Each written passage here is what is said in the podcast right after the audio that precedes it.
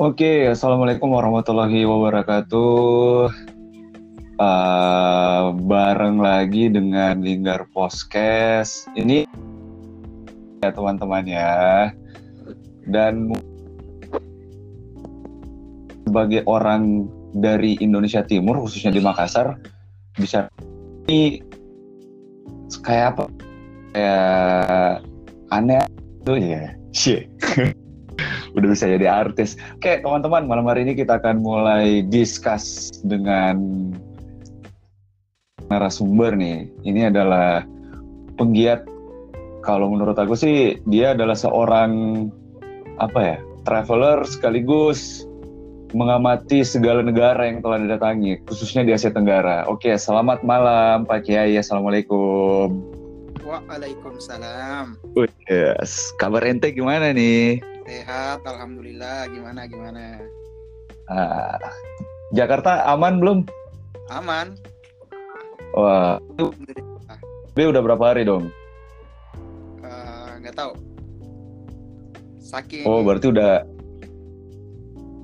Saking apa tuh? Hah? Saking apa tuh? Saking apa tuh? Saking gabutnya di rumah. Akhirnya kita nggak lihat tanggal, nggak lihat uh, informasi kapan mulai, nggak sempat mengingat hal-hal ya kayak gitulah. Oh tapi enak. Kan udah ditemenin bini kan? Uh, itu salah satu keuntungannya. Untung saya menikah Subhanallah masya Allah. Ini sebenarnya pengen bahas apa sih? Pengen bahas nikah atau apaan? Jadi teman-teman ini beliau adalah uh, Haidir Hasam SHMH oh SHMH salah ya? SH gak, gak usah pakai. SHI SH jangan dong. SHI MSI. Oh MA. sorry sorry. Jadi Haidir ini adalah ketua BEM saya teman-teman. Jadi dulu waktu masa kuliah beliau adalah salah satu ketua BEM. Jadi dulu BEM ya Haidir ya, belum Dema ya. Yep, yep. Dan saya ketua BEM terakhir. Wah siap siap. Jadi beliau ini adalah salah satu uh, apa ya salah satu uh, panutan saya juga teman-teman dan malam hari ini saya udah janjian sama beliau untuk di episode pertama. Mohon maaf nih, Stas. Ente jadi orang yang pertama ngisi podcast saya. Yang dikorbankan. Tanda kan kan kan habis ini kan habis ini kita akan pas jurnalistik nih. Nah, kan ntar sama bininya lagi ya terjadwal. Jadi gini, Stas. Uh, sharing discuss kita kan malam hari ini tentang Islam tuh di negara komunis. Okay. Uh, eh, di Asia Tenggara, di Asia Tenggara kan yang komunis apa apa saja tuh tas negara yang pernah dikunjungin tuh. Khusus Asia aja deh kalau gitu. Vietnam kan.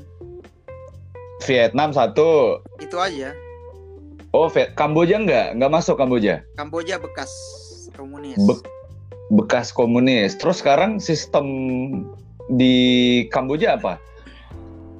Sistem pemerintahannya Ya benar kerajaan. benar. Royal Government. Oh dia masih pakai kerajaan? Enggak enggak, ada perdana menterinya juga. Oh ada monarki ya kalau begitu ya, ya monarki ya, monarki ada monarki. Benar, oke. Okay. Jadi gini Pak Kiai, Gimana? ini kan Islam kan itu adalah salah satu agama yang istilahnya bisa diterima oleh siapa pun, tidak yeah. terbentur dengan apa pun sistem dalam suatu negara itu, ketika salah satu person atau individu dia pengen memeluk Islam, maka Islam welcome. Ya. Nah, yang jadi pertanyaan adalah uh, ketika Pak Kiai melakukan risetnya, kan teman-teman ini bukunya Pak Haidir Asram udah keluar di Gramet gak? Enggak lah, kita mah biasa. Oh, masih masih ini ya masih indie ya istilahnya kalau kita main band dia masih lokal indie masih dalam kategori ini belum masuk ke mana belum masuk ke uh, meja produksi yang lebih gede tapi saya doain semoga bukunya Pak Kiai ini bisa laku di toko buku mana pun dan bisa menjadi inspirasi bagi para pembaca tentang Islam itu. Nah, saya lanjut nih Ustaz ya. Ya. Ah, jadi menurut Ustaz itu Islam itu di negara komunis kayak gimana tuh? Mulai dari penyebaran deh, mulai dari penyebaran, terus mulai dari karakter uh, apa karakter-karakter individu yang ada di negara Vietnam yang pernah Pak Kiai kunjungin. Dalam menerima Islam itu terus penyebarannya kayak gimana di Vietnam? Asal asal asal asal muasalnya, asal muasalnya bisa dijelasin nggak untuk uh, sinopsis awal? ya nggak apa-apa, oh, ya, supaya main durasi juga, ya durasi juga kan. Siap, siap. monggo, monggo, monggo. Koneksi aman eh, nggak? Uh, Koneksi aman nggak? Aman, aman. Oke, siap. Saya mulai cerita dulu ya karakter. Uh, ya oke. Okay. Uh, eh, hubungan agama dengan negara komunis, ya. Saya mulai yeah. cerita apa ya pengalaman saya ketemu sama seorang perempuan uh, orang Vietnam, tapi dia bukan uh, Muslim. Uh, dia agamanya apa dong? Harus ini. Bukan dia bukan muslim uh, dia tidak punya agama dan yang sebentar lagi akan saya ceritakan itu agamanya. Oke okay, siap. Oke okay, siap okay. fokus nih teman-teman soalnya pak dosen udah mulai kuliah nih. Jadi si perempuan ini nanya ke saya uh, ya yeah. masnya ke sini ada tujuan apa? Saya bilang saya mau ketemu silaturahmi gitu sama saudara-saudara muslim saya di Vietnam. Emang ada? Oh dia, dia dia dia dia gini. Dia ngomong dia ngomong bahasa Indonesia Pak Kiai? Uh, enggak. Kita ngomong bahasa oh. Indonesia oh, oke siap siap. Kira bahasa Indonesia. Jadi uh, gini gini saya potong dulu bentar Pak Kiai. Jadi konten ini kita ngebahas tapi jangan terlalu tegang lah biar ada plesetan-plesetan dikit. Nggak apa-apa kan? Siap. Uh, jadi si si cewek ini nanya uh, ada apa ke Vietnam mas? Saya bilang mau silaturahmi sama saudara-saudara muslim saya. Muslim itu apa? katanya muslim muslim itu orang yang menganut agama Islam. Terus bilang Islam itu apa? Terus saya bilang Islam itu salah satu agama salah satu agama besar di dunia saya bilang begitu kan. Terus yeah. dia nanya lagi agama itu apa mas? Waduh, berarti dia waktu lahir memang kayak mirip-mirip keras sakti tuh Pak Kiai. Dia lahir dari batu, gak tau ngapa-ngapain, nanti tunggu Tong Sangcong datang, Mbak. Ibaratnya Pak Kiai ini Tong Sangcongnya kan, ngejelasin agamanya kan. Eh, terus terus. Terus saya saya coba uh, kasih pengibaratan ke dia aja kan. Ya, saya benar benar benar. Saya minta, uh, kamu ada nggak kamus bahasa Inggris uh, Vietnam? Saya bilang begitu. Uh, terus saya tulis di bahasa apa tuh di bah di kamus di kamus bahasa ininya uh, Inggris Vietnamnya. Saya tulis komunis. Ya. Yeah. nah muncullah bahasa Vietnamnya. Saya nggak tahu apa, apa bahasa Vietnamnya. Tiba-tiba si cewek itu bilang gini. Nah tiba-tiba si si cewek itu bilang gini. Nah uh, nah itu uh, eh, ini apa menurut kalian? Saya dia, dia saya saya bilang kan. Terus si cewek bilang itu yang melindungi kami gitu katanya. Komunis itu melindungi dia melindungi petani dan buruh kata katanya kan. Terus saya kasih uh, contoh. Nah seperti itulah agama bagi kami. Benar benar. Analoginya kayak gitu. Uh, terus? Analoginya kayak gitu. Uh, benar. saya mengambil kesimpulan bahwa uh, banyak uh, orang Vietnam orang luar yang masih uh, tidak mengetahui keberadaan Muslim itu sendiri di negaranya. Sehingga uh, wajar saja mungkin ketika di satu negara ada diskriminasi. Kenapa? Karena belum ada pengetahuan tentang itu. Tapi ketika mereka sudah tahu mereka akan uh, mereka akan apa ya terbangun kesadarannya tentang Islam itu sendiri gitu. Uh, uh. satu agama yang penganutnya banyak dan mereka punya pemahaman dan tradisi yang uh, juga harus dihormati gitu. Kira-kira seperti itu Nah, itu bagaimana awal ya tahap awal pada saat Pak Kiai ketemu dengan salah satu orang uh, warga lokal yang nggak tahu tentang agama. Nah, nah uh, tapi set, set, setelah itu saya menelusuri banyak dan memang di Vietnam banyak sekali uh, Islam, uh, Muslim dan mereka untuk beberapa dekade terakhir mereka hidup dengan uh, saya boleh katakan mereka hidup dengan nyaman, mereka hidup bebas, mereka bisa mengekspresikan keislamannya di ruang-ruang publik, mereka bisa pakai hijab uh, di mana-mana walaupun orang orang Vietnam sendiri uh, banyak yang masih risih kalau dia menggunakan hijab. Tidak pernah okay. dilarang, tapi tapi mereka risih kenapa? Karena lingkungan yang tidak mendukung mereka untuk memakai itu. Mereka khawatirnya banyak orang yang non Islam yang menganggap mereka orang aneh gitu. Nah, banyak muslim yang tidak ingin tampil aneh di di ruang publik gitu kan. Akhirnya dia memilih untuk itu. Dia lebih nyaman dengan itu. Pekerjaannya pun akan di lebih dihargai uh, kalau uh, dia tampil normal seperti orang-orang Vietnam ya, pada umumnya. Orang Vietnam pada umumnya. Tapi tidak menyangkal sampai hari ini saya belum menemukan apa ya belum untuk beberapa untuk dua dekade terakhir saya belum menemukan ada kasus yang mengatakan bahwa seorang muslimah dilarang untuk menggunakan uh, apa tuh uh, hijab di ruang publik kecuali uh, adalah teroris. Sempat, uh, saya belum sempat masuk ke sekolah-sekolahnya menanyai mereka, tapi setahu saya uh, saya mengenal beberapa orang dan ada bahkan uh, orang Indonesia di sana, dia mengajar di sana seorang muslimah dan dia berhijab saat mengajar di di kampus itu dan itu tidak hmm. tidak ada masalah sebenarnya kira-kira uh, seperti itu nah problemnya sebenarnya memang ada ketegangan. Kita biasa orang Indonesia ya. Orang Indonesia sering sering sekali uh, apa memperhadapkan antara apa Islam dan komunisme agama dan komunisme. Uh, saya pikir ya menurut saya ya itu bawaan sejarah itu bawaan sejarah. Uh, karena memang pada awalnya bawaan sejarah dari uh, apa bawaan sejarah dari negara tersebut.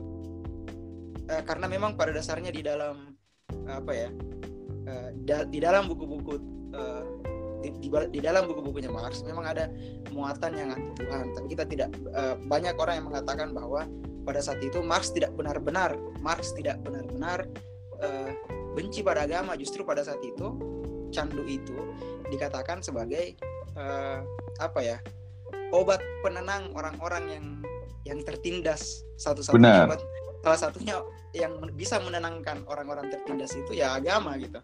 Iya. Yeah. Tapi kemudian tapi kemudian pemahaman ini pemahaman tentang candu agama kebencian terhadap agama ini kemudian diteruskan dan dipraktekkan langsung oleh uh, Lenin kalau nggak salah ya dan itu yeah. dipapankan sebagai satu agenda politik di Soviet betul ya, itu masuk dalam itu masuk dalam aturan negara sehingga kemudian orang uh, si apa di Soviet memang orang-orang yang beragama tidak dilibatkan dalam uh, aktivitas uh, politik kenegaraan karena dianggap tidak berguna dan seterusnya gitu kan agama nah, kita ya pernah konflik. pernah aku pernah ini Pernah aku lihat salah satu kutipan ya, nggak tahu itu bukunya Karl Marx atau Lenin atau siapa sih. Itu agama adalah candu. Nah, sehingga Marx ya. Oh Mars ya, kalau nggak salah Mars ya, Mars ya. Karena dia mengatakan di situ bahwa ketika kita berurusan dengan agama, maka apa pun yang akan kita kerjakan untuk membangun suatu negeri itu akan terbentur dengan keyakinan-keyakinan yang membuat kita taat pada salah satu substansi untuk tidak bisa melangkah maju. Intinya seperti itu, Pak Kiai. Uh, itu yang saya bilang tadi. Uh, memang ide tentang itu ada, yeah. tapi uh, banyak juga orang yang mengatakan bahwa ketika uh, ketika uh, ucapan itu dikontekstualisasikan ke masanya, di masa itu sebenarnya kita orang-orang apa kutipan itu tidak benar-benar bermaksud untuk membenci agama, uh, tapi tapi ingin mengatakan bahwa agama adalah obat penenang justru sebaliknya. Oh iya. Nah di periode selanjutnya lah di Soviet ketika itu ketika komunisme mapan sebagai uh, sebuah struktur ya, politik se sebagai dasar negara ibaratnya ya. Nah, sebuah oke okay, sebuah ideologi. Iya ideologi negara. Uh, komunisme dan agama betul-betul dipertentangkan. Jadi umat beragama tidak dibolehkan dalam masuk dalam struktur politik, walaupun ada walaupun ada orang beragama tapi menyembunyikan identitas keagamaannya hmm. kan? nah oke okay? nah, di periode Soviet di periode Soviet memang orang-orang seperti Muslim yang sekarang kita kenal di negara-negara yang berakhirat tan yang Tajikistan Uzbekistan itu kan mayoritas Muslim oh iya benar Kirgistan ada di bawah ya dulu berada di bawah Soviet dan mereka sangat tertindas mendapatkan diskriminasi dari pemerintah dan seterusnya. Tapi setelah Soviet runtuh, uh, mereka membentuk negara-negara sendiri. Uh, ya kita lihat bagaimana Islam di Setengah sekarang mulai mulai mulai bagus kan. Nah kita ke Vietnam lagi gitu. Yeah. Eh, ke, kita ke Indonesia dulu lah. Kenapa orang uh, langsung benci gitu? nah kita lihatlah periode 1965 bagaimana uh, apa uh, PKI dipertentangkan. Saya kira saya kira itu bawaan sejarah semua. Ingatan kolektif kita masih masih ada sampai sekarang di Indonesia ya sehingga kita masih masih anti masih membenci dan masih takut dengan komunisme uh, padahal di kalau kita kembali ya ke, ke Vietnam orang-orang di Vietnam biasa aja gitu B aja mereka, ya B aja dia mereka bisa menjadi seorang muslim yang baik pada saat yang bersamaan juga menjadi warga negara komunis yang baik gitu kan. Bu, tapi gini gini gini Pak Kiai, gini Pak Kiai. Oke, gini Pak Kiai. Uh, pertanyaan pertama mungkin dari pembahasan singkat yang disampaikan oleh Pak Kiai tadi. Uh, muncul di kepala saya kayak gini nih. Apakah salah satu uh, apa salah satu warga atau kumpulan warga muslim ya di Vietnam itu dia pakai area tertentu ataukah menyebar di setiap contoh nih kan Indonesia ada beberapa provinsi nah, di Vietnam ada beberapa provinsi dan di setiap provinsi itu apakah ada sekumpulan kelompok muslim atau gimana Pak? Vietnam itu uh, dari utara sampai selatan umumnya muslim itu ada di selatan dari kota Ho Chi Minh. Ah, berarti Jadi, Ho Chi Minh Ho Chi Minh City ada di lima kota. Ho Chi Minh City itu Ho Chi Minh City itu bukannya ibu kota Vietnam? Bukan, ibu kota Vietnam itu Hanoi. Oh, Hanoi. Waduh, nah. malum Pak Kiai, ini cuma dalam negeri doang, nggak pernah keluar negeri jadi nggak tahu. Nah, di Vietnam itu uh, setidaknya ada ada lima provinsi uh, yang punya komunitas muslim. Terbesar di Vietnam. Lima ya. ya lima lima anggaplah lima kota uh, di Vietnam yang punya mayoritas muslim terbesar ya. Ya uh, di di kota Ho Chi Minh di provinsi Eng Giang di provinsi Ninh Thuan sama uh, di kota Hanoi hmm. ya. Uh, sama ada juga di Tai Ninh uh, tapi kalau saya sendiri saya sendiri fokusnya ke kota Ho Chi Minh. Nah, nggak apa-apa. Itu kan Ho Chi Minh untuk mengenai populasi dari beberapa kota itu Ho Chi Minh lebih banyak daripada Hanoi eh daripada di Hanoi ada nggak? Di Hanoi ada tapi mungkin uh, masih berkisar ratusan orang. Dan itu baru terbentuk tahun 2018 yang lalu uh. komunitas muslim. Dan kalau nggak salah kalau belum bertambah masjidnya baru ada satu masjid di masjid peninggalan. di Hanoi. Tapi kalau di kota Ho Chi Minh di kota Ho Chi Minh di dalam kota Ho Chi Minh itu ada tujuh distrik.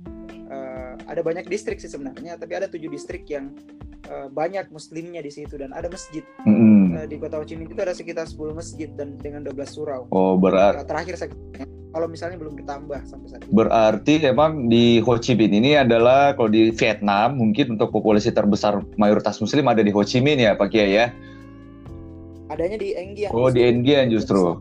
Berarti lebih masih lebih bagus Vietnam. Masih lebih bagus Vietnam daripada Myanmar kalau kayak gini nih. Pertanyaannya, pertanyaan selanjutnya kayak gini nih Pak Kiai.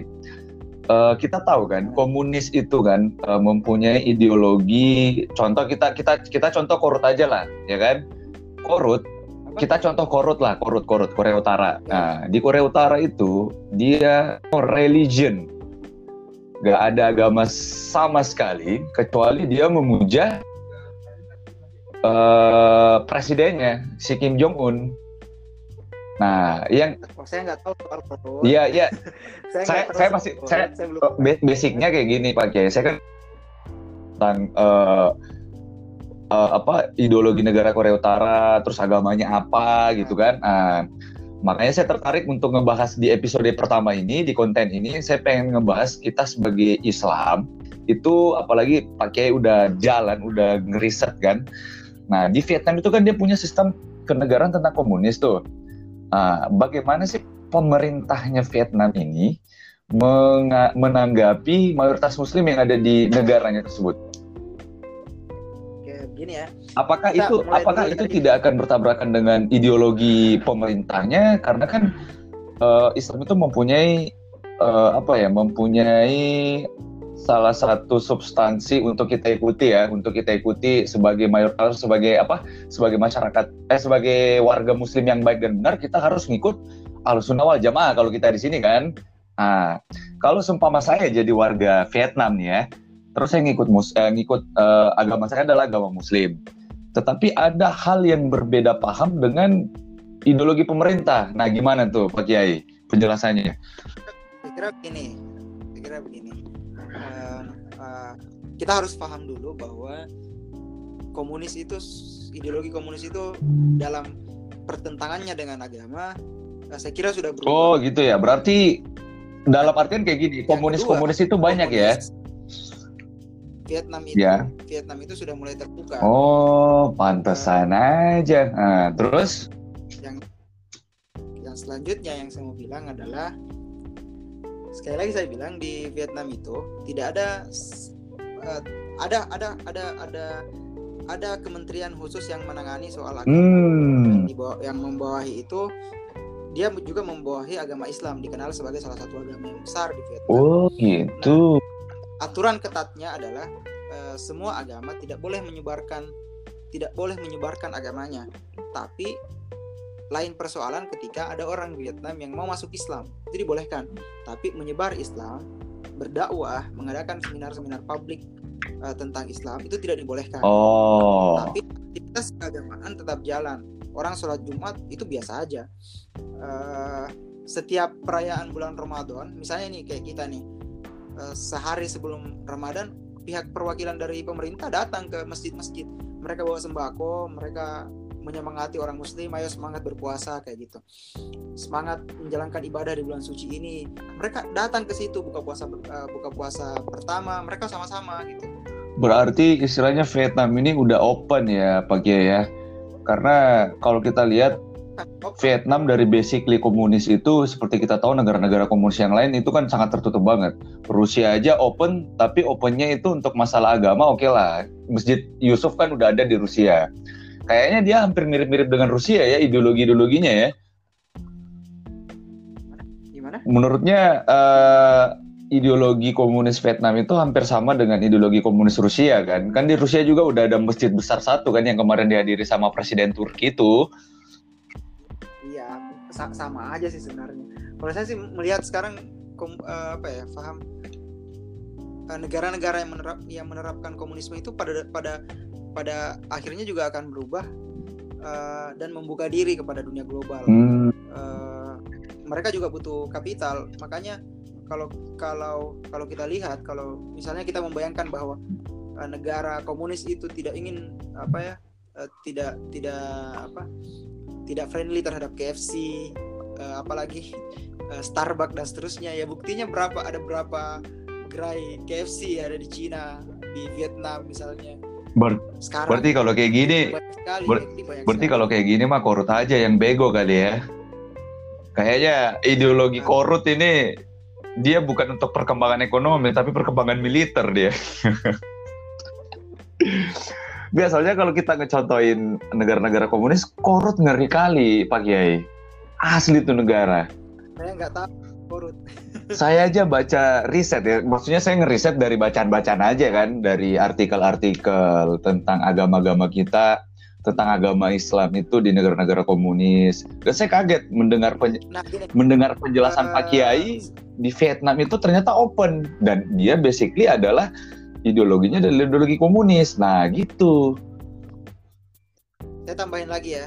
Jadi di Vietnam itu mus, kom, uh, karakter karakter muslimnya itu sama dengan karakter muslim umum di Asia Tenggara. Kita mereka sama dengan Malaysia, dengan kita di Indonesia, dengan Thailand, dengan Brunei. Hmm. Dari segi mazhabnya mereka juga menggunakan mazhab Syafi'i. Oh, dia saya Dari baru mau nanya itu Pak Kiai. Lalu tadi saya udah ya, cek ya, list pertanyaan untuk mengenai mazhab di Vietnam. Apakah dia memakai mazhab Vietnam eh, Vietnamia atau gimana? Vietnamia.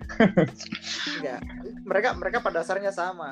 Mereka menggunakan uh, kalam atau uh, apa ya bisa disebutnya teologi. Ya, teologi lah, teologi. teologi. atau maturidiyah juga sama dengan kita. Uh, terus kalaupun ada tasawuf, mereka juga pasti menggunakan tasawuf uh, uh, Imam Al Ghazali jadi sama gitu sama sama kita. Kenapa? Karena sebenarnya kita berbagi sejarah yang sama. Hmm. uh, pro, uh, momentum Islamisasi uh, Islamisasi kita itu Islamisasi yang sama gitu. Uh, walaupun memang karakter Muslim di Vietnam juga ada yang berbeda. Uh, misalnya yang ada di Vietnam Tengah yang disebut sebagai uh, Islam Bani jadi Is di Vietnam itu Islam Bani maksudnya gimana tuh Pak Islam Bani itu? Bani Umayyah itu masyarakat masyarakat muslimnya mayoritas adalah dari etnik Cham. Etnik Cham. Etnik Cham itu adalah keturunan dari kerajaan Champa. Oh. Kerajaan Champa dulu berkuasa di Vietnam itu sangat lama dan dia sebagai kerajaan maritim terbesar, bukan salah satu kerajaan maritim terbesar yang menguasai uh, semenanjung Indochina selama beberapa abad dari utara sampai selatan Vietnam khususnya daerah pesisir. Nah, di tengah itu yang menjadi pusat kerajaan Champa dulu sebelum ia jatuh. Di situ ada komunitas Muslim namanya komunitas uh, disebutnya Islam Bani walaupun pemerintah Vietnam tidak tidak mengidentifikasi, tidak membedakan antara Islam di bagian selatan dan di bagian tengah, tapi secara tradisi keislaman uh, orang luar cenderung memilih, me, melihatnya berbeda. Mm -hmm. Oke, okay? jadi mereka itu uh, Islam di tengah ini uh, masih mengamalkan tradisi apa yang biasa mereka sebut sebagai tradisi adat lama, tradisi nenek moyang. Tradisi nenek moyang. Jadi, Islam uh, Islam Vietnam kayak gitu Pak Kiai. Dia masih pakai Islam tradisi nenek moyang. Tidak keseluruhan. Oh, keseluruhan. Tidak keseluruhan. Tidak keseluruhan. Oke. Okay. Oke. Okay. Jadi jumlah sekarang itu sekit mungkin berkisar sekitar 80 ribu muslim di Vietnam. 80 ribu? Wah itu gede banget Pak Kiai. 80 ribu. 60 ribunya 60 60-an ribu itu sekitar itu berada di Vietnam eh bukan 60 persennya itu sekitar eh, berada di di Vietnam bagian tengah yang mengamalkan adat lama. Nah, berarti contohnya kalau kayak kita di Indonesia yang pakai adat lama, contoh kayak Wali Songo gitu kan. Wali Songo dulu dia Oh, bukan, oh, bukan, beda. Oh, bukan. Beda. Ah, beda. maksudnya kayak gimana beda, tuh? Beda, Tradisi beda. nenek moyangnya tuh kayak gimana tuh contoh? Kalau kita kan mungkin saya kasih analogi kayak gini Pak Kiai. Contoh kalau orang Jawa biasa dulu kayak Sunan Kalijaga mungkin dia nyebarin Islam lewat musik. Jadi uh, hal yang sampai bukan, sekarang bukan. masyarakat sekarang itu contoh kayak Barasaji kayak kita kan di Makassar kayak gitu kan? Bukan hal itu. Oh bukan hal itu. Uh, justru bukan hal bukan bukan itu perbedaannya. Jadi perbedaannya hmm. itu ini kalau Muslim di selatan Barasanji itu mereka tetap lakukan. Tahlilan ada kendurian ada. Gitu. oh iya uh, iya. di bagian tengah ini di bagian tengah ini lebih mirip uh, tradisi Hindu mungkin ya. Tra jadi sholatnya misalnya diwakili ada ada sholat yang diwakili misalnya. Aduh, sholat diwakili gimana caranya tuh? pertama. Nah kira-kira begitu ya kira-kira begitu. Masya Allah. Uh, ya uh, ada yang mengatakan mirip dengan Islam di uh, di Lombok. Tapi saya belum Uh, saya belum pernah ke sana, belum pernah cross check. Saya hanya saya hanya bicara dengan orang. Masa gak pernah ke Lombok? Jadi dulu waktu belum merit siapa tuh yang disosol ke Lombok? Sampai di update. Di Vietnam bagian tengah. Oh di Vietnam.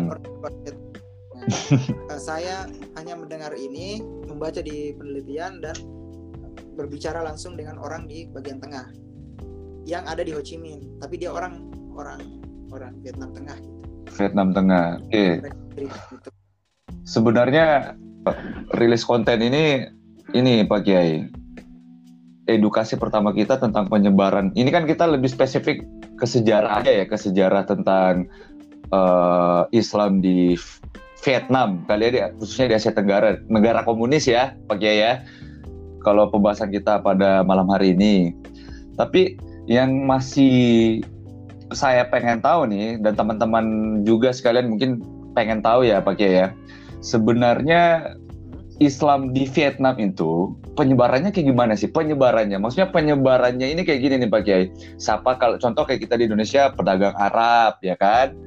Uh, pedagang Arab datang ke Jawa, terus nikah dengan penduduk lokal, terus nyebarin Islam Terus kalau masalah penyebaran atau dakwah atau syiar di Vietnam kan tadi Pak Kiai udah ngejelasin kan, di sana dilarang untuk melakukan dakwah, ceramah di tempat umum itu adalah kebijakan dari uh, pemerintah.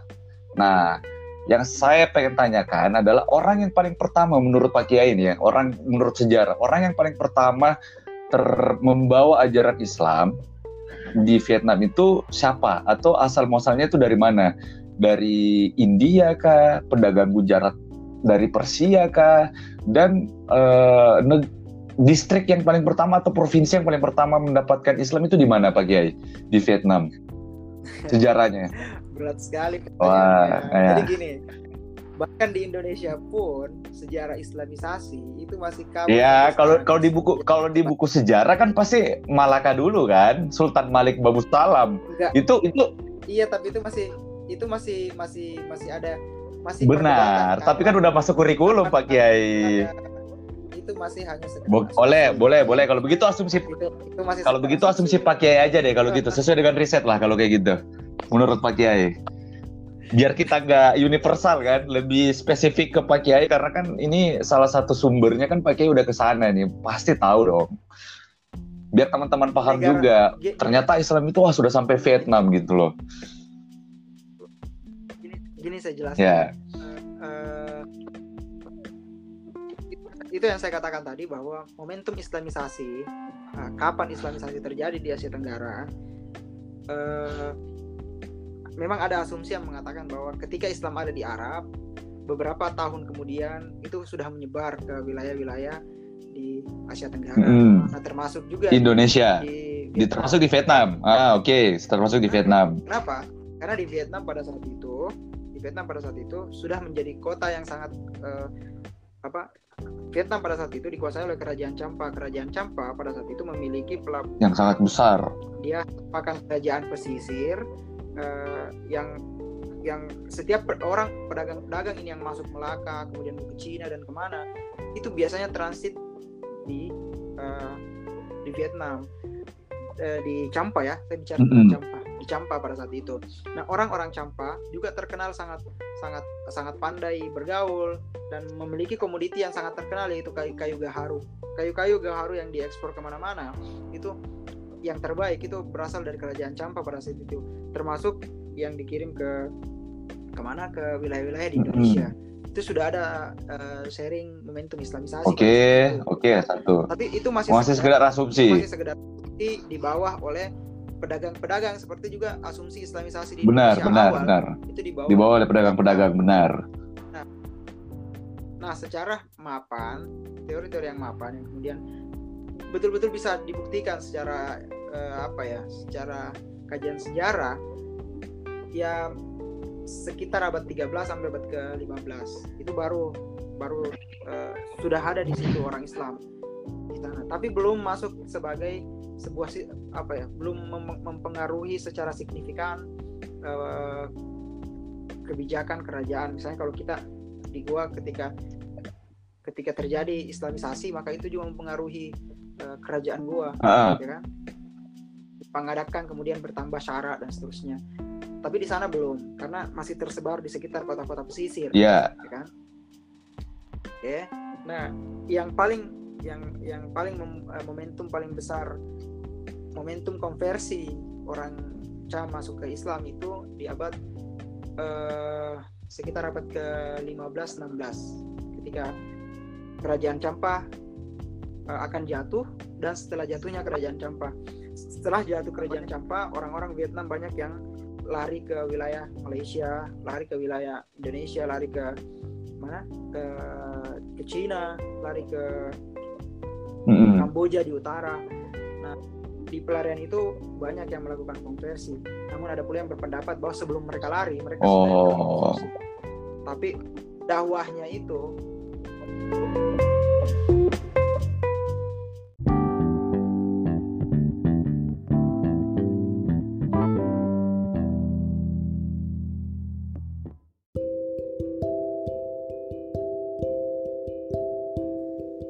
Nah, Hai, sorry tadi kita spasi, kita tadi spasi, uh, soalnya layar touchscreen medianya ini sangat licin, jadi tadi kita break dulu sebentar, sekitar lima detik. Uh, berarti tadi kita lanjut nih, Sestas ya. Tadi kita lanjut kalau uh, ini segmen terakhir nih, biar yeah biar dijelasin lebih detail dikit gak apa-apa sekitar 10 menit atau 15 menit lah. Bahwa penyebaran Islam di Vietnam itu tadi ketika ne kerajaan campak campak itu campak kayak punya polio Pak Kiai. Yang suntik campak itu loh. Gimana gimana? Nah, kerajaan campak udah runtuh terus manusia manusianya kerajaan campak itu udah runtuh terus manusia manusianya itu uh, udah ke mana-mana gitu. Nah tadi Pak Kiai sempat menjelaskan sebelum break tadi uh, apa ada yang berasumsi bahwa sebelum dia kabur dia udah terkonversi menjadi seorang muslim dan ada juga pada saat pelariannya dia baru terkonversi menjadi seorang muslim. Nah, monggo dilanjut Pak Kiai. Oke.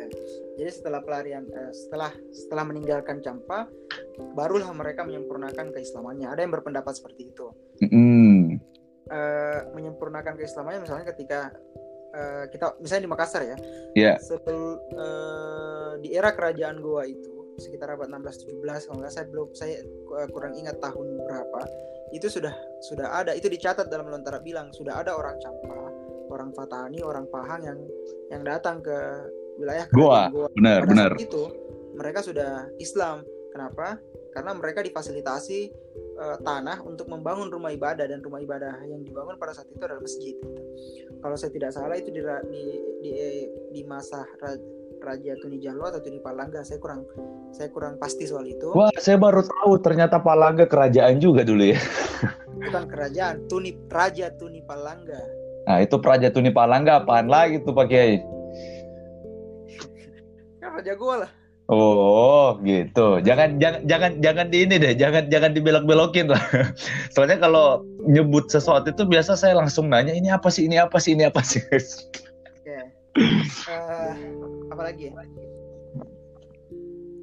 Ya, terus itu tadi setelah kerajaan Campak jatuh, terus kita tarik sedikit sejarahnya. Uh, populasi paling pertama yang di Vietnam yang menjadi Muslim itu di mana? Asumsinya Pak Kiai di mana? Hasil telitinya gimana? Di mana tuh? Menurut Pak Kiai? Ya, populasi, populasinya ya orang Campa. Orang ya, Campa, Ho Chi Minh dong sekarang berarti. Bukan hanya di Ho Chi Minh, di di di, di provinsi uh, apa?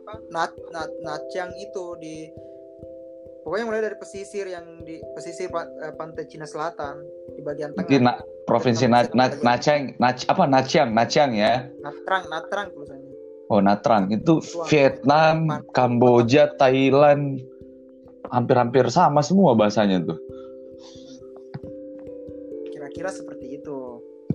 Nah, nah jadi kan yang paling besar itu adalah di wilayah-wilayah Vietnam bagian selatan, khususnya di wilayah uh, kota Ho Chi Minh saat ini. Dulu disebutnya sebagai kota Saigon. Uh, terus di paling selatan lagi di wilayah-wilayah Mekong Delta itu di provinsi Mekong. Provinsi Anggiang itu yang berbatasan dengan Kamboja, misalnya di desa Caudok yang pokoknya yang berbatasan dengan Kamboja. Jadi pada dasarnya uh, Islam di Islam di semenanjung Indochina di daratan Asia uh, Asia Tenggara juga uh, sharing tradisi, sharing kebudayaan gitu. Sharing sharing momentum islamisasi. Kira-kira hmm. seperti itu. Jadi sebenarnya kita ini di wilayah Asia Tenggara, di kawasan Asia Tenggara uh, apa ya? Uh, berbagi tradisi keislaman yang sama sebenarnya. Berarti kita itu, sebenarnya uh, seperti negara persemakmuran ya Pak Kiai ya istilahnya dalam kontekstual Islamnya kita itu sama dengan Islam yang ada di Vietnam. Walaupun tadi sempat Pak Kiai bilang ada ajarannya itu sholat boleh diwakili waduh itu itu kayaknya bagian tengah. Uh, begini, uh, kalau saya begini, kita tidak boleh juga uh, menganggap itu sesuatu yang lain lucu karena iya benar dia, uh, dia apa ya mempunyai keyakinan.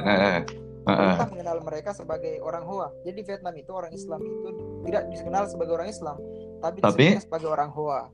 Oh, berarti uh, istilah orang Muslim di Vietnam itu adalah Hoa, teman-teman ya. Jadi itu perlu dicatat. Jadi nanti, ya. oh. jadi nanti kalau ada teman-teman, kalau ada teman-teman yang pengen ke Vietnam, uh, kalau pengen cari persemak orang yang sama, ya itu cari orang Hoa, jangan bilang orang Muslim. Nanti ditembak nggak?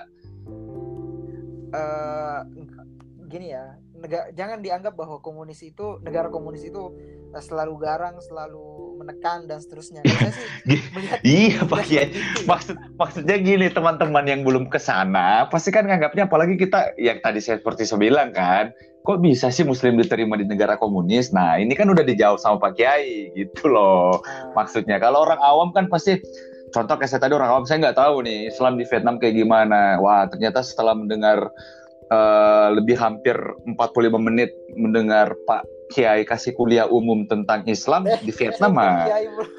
Uh, di diaminin dong. Nah, kan diaminin kan?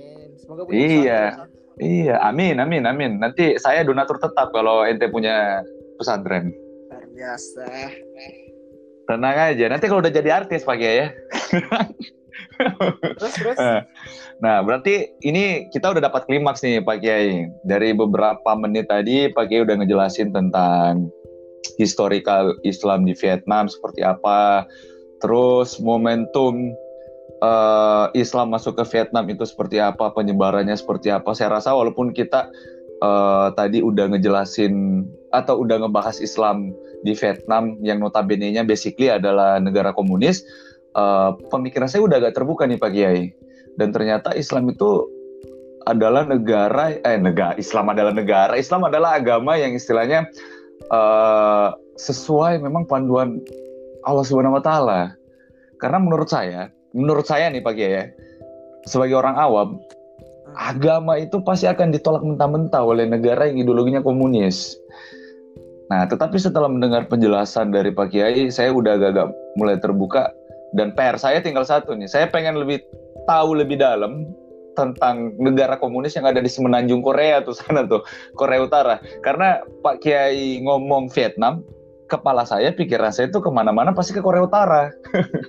Kalau pakai ngomong Vietnam, pasti saya mikirnya Korea Utara ini Korea Utara ngapain sih? Masa di Vietnam gini, di Rusia gini, di Cina bisa kayak gini, ini di Korea Utara, masya Allah, hampir mampu semua. Tapi nantilah, itu nanti kita akan bahas di episode selanjutnya. Mungkin kalau uh, Pak Kiai nanti udah ada waktu kosong, terus udah ada riset sedikit-sedikit tentang bacaan tentang Korea Utara, mungkin kita bisa bahas lagi ya Pak Kiai ya? Nggak mau komen soal Korea Utara sebelum saya oh eh, nggak apa-apa. Maksud maksudnya mak, maksudnya maksudnya kayak gini kan. Kalau kita nyari sumber atau kan ini pakai juga yang ngajar ke saya kita nyari sumber nyari sumber yang istilahnya menurut kita sesuai dengan uh, apa sesuai dengan substansinya kita kan? Kalau menurut kita artikel ini udah benar dan memang dicantumkan hal-hal yang bersifat fakta why not? Gitu loh Pak Kiai. Makanya saya bilang tadi kan, saya nggak pernah ke Korea Utara, tapi setelah saya membaca sistem negara, sistem budayanya seperti apa, sistem pemerintahannya seperti apa, sistem agamanya seperti apa, itu disinkronkan dengan Vietnam yang basically ideologinya sama, lah kok Vietnam bisa, Korea Utara nggak bisa gitu loh. Kan pasti sebagai seorang pemikir kan pasti kita kan uh, muncul tanda tanya kan Pak Kiai. Pasti oh kok Vietnam bisa, Korea Utara nggak bisa? salahnya di mana nih? Nah, gitu maksudnya. Makanya harus kita cari riset lagi. But uh, thank you lah buat Pak Kiai yang sudah menjelaskan uh, sedikit tentang Islam di negara komunis terkhusus di Vietnam ya. Mudah-mudahan ini menjadi salah satu inspiring lah buat kita kita apalagi yang mendengarkan. Soalnya subscriber saya ini di podcast masih belum ada nih Pak Kiai. Nanti tolong bantu follow up ya. Kalau salah diedit ya. nanti biar bininya juga dong suruh diupdate. Kan nanti bikin ini juga, bikin apa? Bikin jadwal sama Assalamualaikum Ustazah. Ustazah ada nggak di samping? Ya. nanti pengen ngebahas tentang jurnalis lah. Soalnya jurnalis milenial. nanti kita saya akan Iya, nanti nanti saya akan bahas nanti saya akan bahas dengan bininya Pak Kiai itu saya kepincut pengen ngebahas tentang gimana sih menjadi seorang reporter milenial gitu. Kan banyak teman-teman juga yang pengen jadi jurnalis atau penulis seperti Ustazah dan Pak Kiai ini. Makanya saya bilang ente berdua ini adalah panutan kita. ya. Oke Pak Kiai, terima kasih atas waktunya Pak Kiai. Mungkin uh, pada malam hari ini saya rasa cukup ya. Nanti kita akan bahas ya. di segmen selanjutnya. Untuk teman-teman, uh, jangan lupa untuk tetap dengerin links podcast karena seperti yang saya bilang deskripsi podcast ini sesuai mood penyiar aja. Kita pengen ngebahas edukasi boleh, ngerosting seseorang boleh, ngebahas apa pun boleh lah, selama itu masuk akal dan tidak di uh, apa tidak dibanet oleh negara. Jangan sampai kita ngebahas ini podcastnya ke mana-mana nanti bahas government ditangkap lagi, ya nggak Pak Kiai? Nanti kena UU ITE lagi kita. Oke lah Pak Kiai, dan terima kasih atas waktunya. Wabillahi taufiq wal hidayah. Wassalamualaikum warahmatullahi wabarakatuh.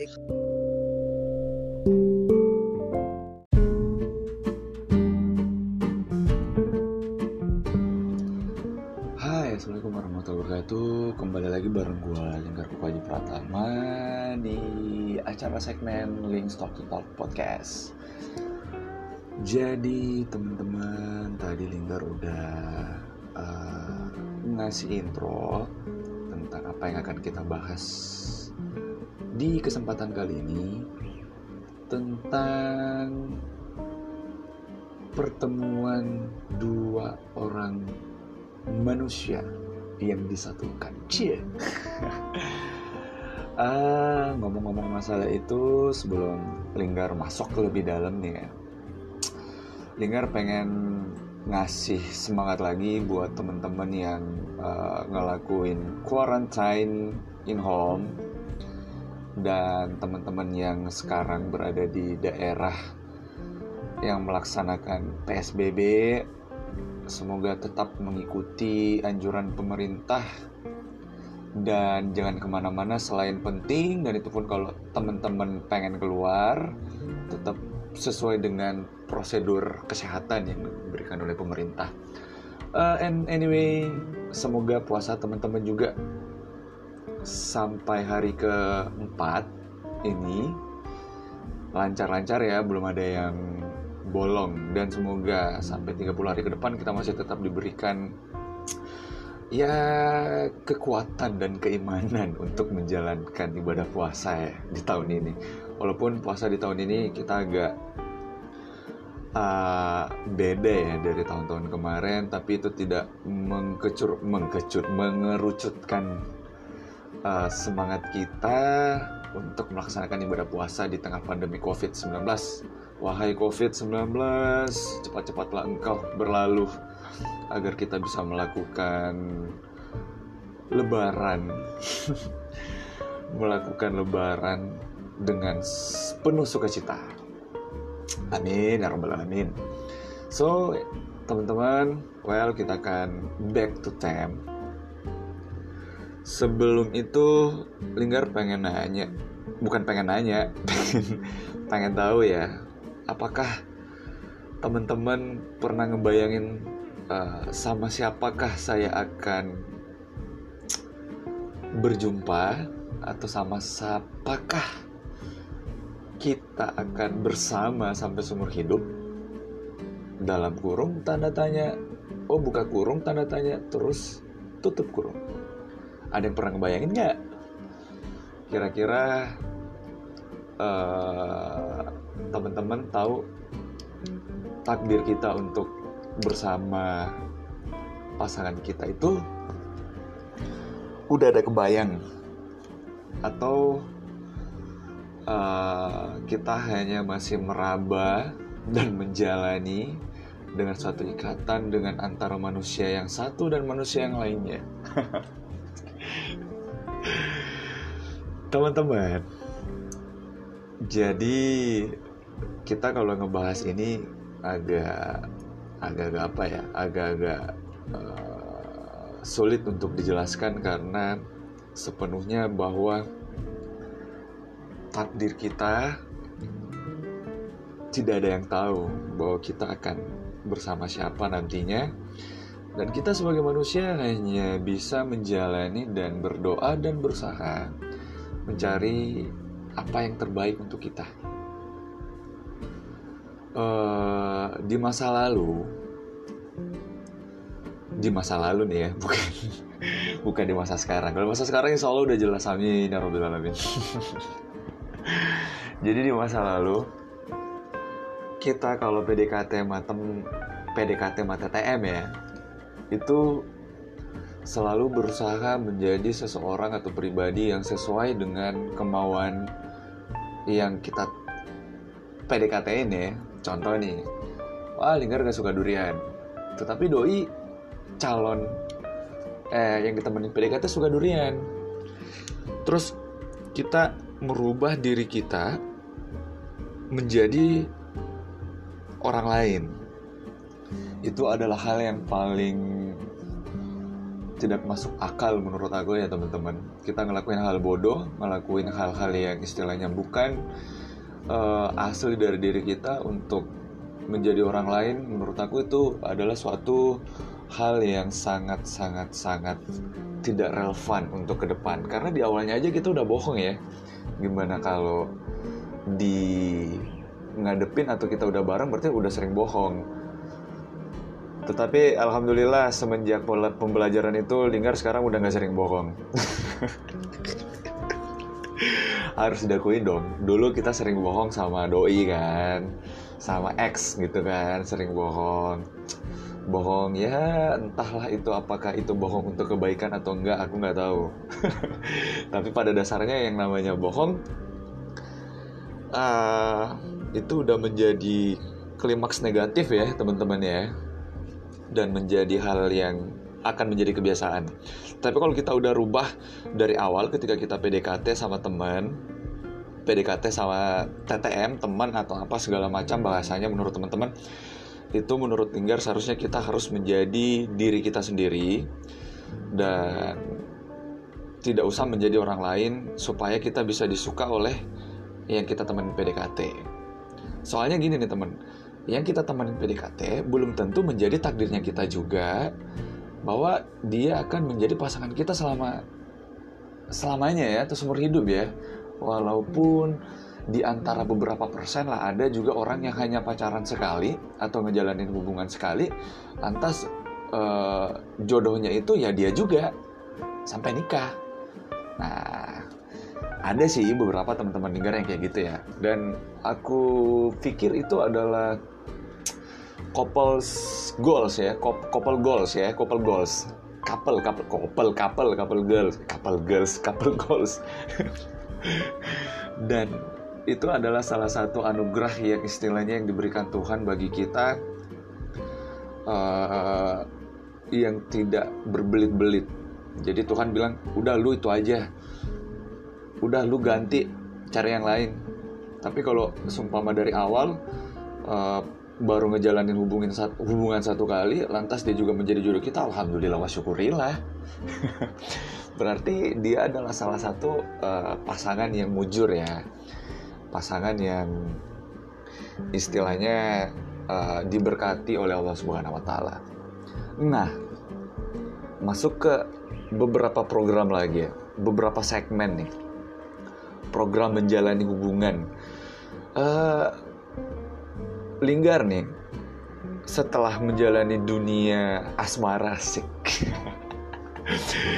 Eh, banyak pelajaran yang Linggar dapat tentang menjalani suatu hubungan itu harusnya seperti ini ketika kita ketemu dengan karakter wanita seperti ini berarti kita harus menyesuaikan karena lagi-lagi uh, Linggar mengatakan atau Linggar punya prinsip bahwa menjalani suatu hubungan itu kita tidak mesti menjadi diri orang lain tetapi kita harus menjadi diri kita sendiri dan gunanya kita melakukan berhubungan dengan uh, ya dalam tanda kutip mm, pacaran ya bahasa kerennya pacaran. Itu adalah salah satu simulasi kita bagaimana cara kita menerima kekurangan atau kelebihan pasangan kita nantinya walaupun uh, kita nggak tahu nih ya apakah pasangan kita ini yang sekarang mungkin akan menjadi pasangan kita selamanya atau enggak dan dari beberapa pengalaman Cie, dari beberapa pengalaman. Masya Allah. Ya Allah, maafin Linggar ya Allah. dari beberapa pengalaman, Linggar sering belajar tentang hal itu. Uh, ada beberapa macam tipe karakter pasangan ya. Ada beberapa macam karakter pasangan yang biasa Linggar lihat, termasuk Linggar ambil sampel dari teman-teman terdekat Linggar. Dia banyak hal-hal yang istilahnya dia lakuin sesuai dengan kesepakatan, sesuai dengan kecocokan, sesuai dengan kebiasaan. Nah, itu adalah salah satu uh, cara teman-teman Ninggar itu ngelakuin uh, suatu hubungan dengan pacar mereka ya tanda kutip. Uh, untuk bagaimana caranya agar ngetes apakah dia bisa serasi sama aku? Apakah dia bisa menjadi calon ibu dari anak-anakku wes? Apakah dia bisa menjadi calon imamku wes? Nah, tapi Linggar selalu nganggap kayak gini ya teman-teman apa pun yang kita lakuin dari umur berapa kita kenal perasaan dari umur berapa kita kenal pacaran Uh, dari dulu Linggar selalu beranggapan bahwa itu hanya proses belajar karena sejatinya Linggar nggak pernah tahu siapa yang akan menjadi labuhan terakhir Linggar Cie. walaupun dalam fase menemukan itu kita banyak mengalami hal-hal yang dalam artian hal-hal yang istilahnya uh, agak sensitif ya tanda kutip kita dianggap jahat karena kita ngenyia-nyiain perasaan seseorang ataupun kita dianggap istilahnya tidak peduli dengan dia yang sudah benar-benar tulus sayang sama kita. Tetapi menurut Linggar, hal is positive thing-nya adalah uh, ketika Tuhan menghendaki, maka tidak ada bi tidak ada yang bisa untuk mengalahkan kehendak Tuhan itu. Lagi-lagi Linggar prinsipnya seperti itu teman-teman ya. Karena seperti yang Linggar bilang bahwa pertemuan dua orang manusia itu sejatinya itu telah diatur. Kalau kita ngebahas secara agama nih ya, itu udah diatur oleh Tuhan itu sendiri. Ya, ya Allah, mudah-mudahan saya salah sih ya. Mudah-mudahan saya salah ya. Tapi menurut Linggar kayak gitu. Mudah-mudahan uh, teman-teman yang dengar ini ada yang ngasih uh, apa yang ngasih redaksi atau ngasih penjelasan bahwa Linggar salah atau Linggar kurang, monggo ditambahin ya. Karena Tuhan itu sejatinya ketika kita udah dilahirin, ketika udah dilahirin, kita itu udah punya tanggung jawab nih entahkah itu perkara jodoh, perkara rezeki, perkara kelakuan kita, perkara apa yang akan kita gunakan. Uh, kita dikasih otak untuk berpikir, kita dikasih ini sama Tuhan untuk ini ini semuanya multifungsi teman-teman ya.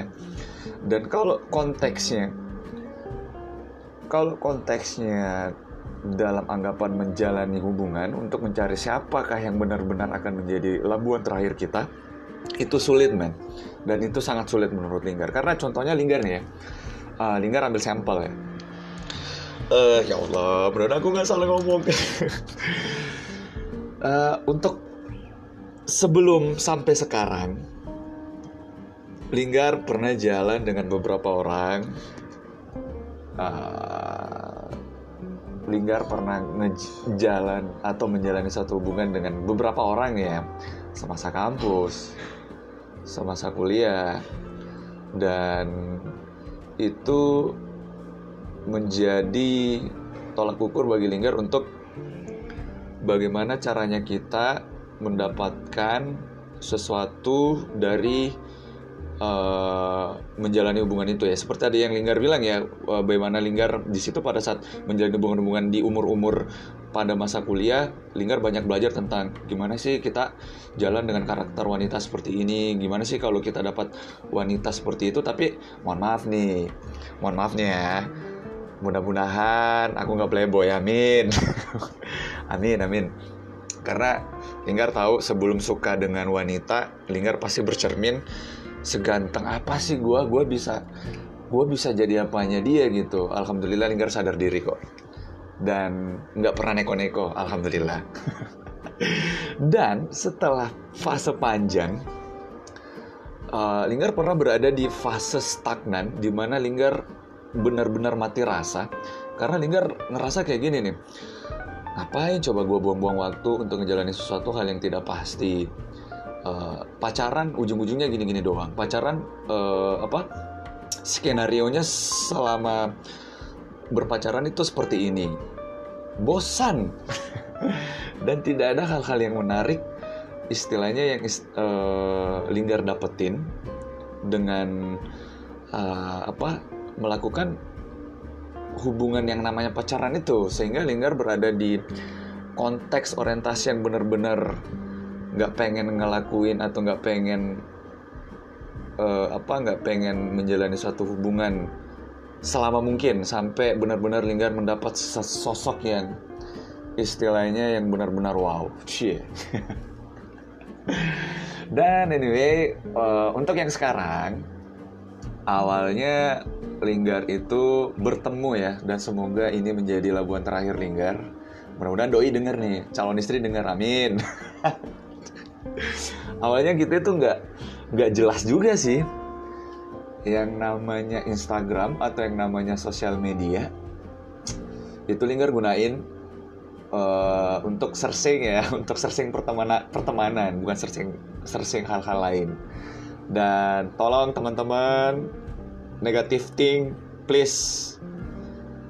Jangan negatif thing ya nanti kayak tertan muslim ntar. Negatif comment will be unforgiven. Wes. Jadi awalnya Linggar hmm, buka Instagram. Dan kebetulan kayaknya Doi baru-baru putus deh kayaknya itu dengan mantannya. Aku nggak tahu mantannya siapa. Uh, Linggar coba coba. Ya Allah malu ngomongnya. Ya coba buka buka buka buka ini buka apa? Buka profilnya dia. Wets mantap nih. Aku kira orang Makassar nih ya. Aku kira orang Makassar. Aku kira orang Makassar. Just cek cek cek cek. Wes DM Assalamualaikum kakak fallback. Ih terus dibales sama dia. Dibales seret. Ya ngomong Oke sudah. Aku bilang jutek amat nih cewek nih Nah lanjut kan Deman deman deman deman deman. Uh, Tapi sampai sekarang sih Oke kita langsung fase keduanya ya. Fase keduanya yang akhir-akhirnya sering DM-an, sering nelponan. Tapi aku nggak tahu juga ya Dan Tuhan itu selalu mempunyai gimmick ke umatnya tentang hal-hal yang tidak pernah difikirkan oleh manusia ya apa yang akan kita dapat atau di luar nalar jadi sama seperti kata-kata orang tua bahwa sejatinya rezeki itu ada-ada aja yang jelas kita pengen berusaha. Nah seret lanjut. Jalanin jalanin jalanin. Oh Linggar dulu pernah kerja di suatu perusahaan yang sering bolak-balik Jakarta dan itu hari Linggar penempatan di Kendari. Penempatan di Kendari terus sering bolak-balik Jakarta Jakarta Jakarta iya bolak-balik Jakarta. Kan uh, rumahnya Doi ini ya rumahnya Doi kan cukup dekat nih dari tempat tempat apa ruang publik ya. Dekat dekat dengan tempat ruang ruang ruang publik. Sempet itu hari ketemunya di mana ya?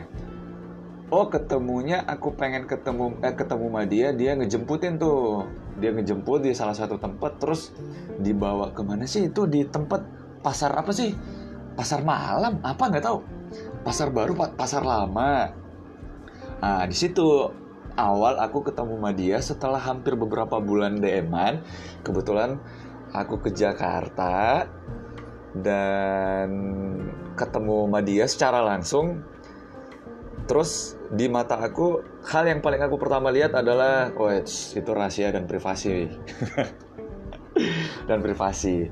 Nah, oke okay, udah ketemu nih ya, udah ketemu awalnya. Terus pulang. Pulang tetap seperti biasa normal. Dan intinya aku ketemu sama dia dari dunia maya. Ada-ada aja kan.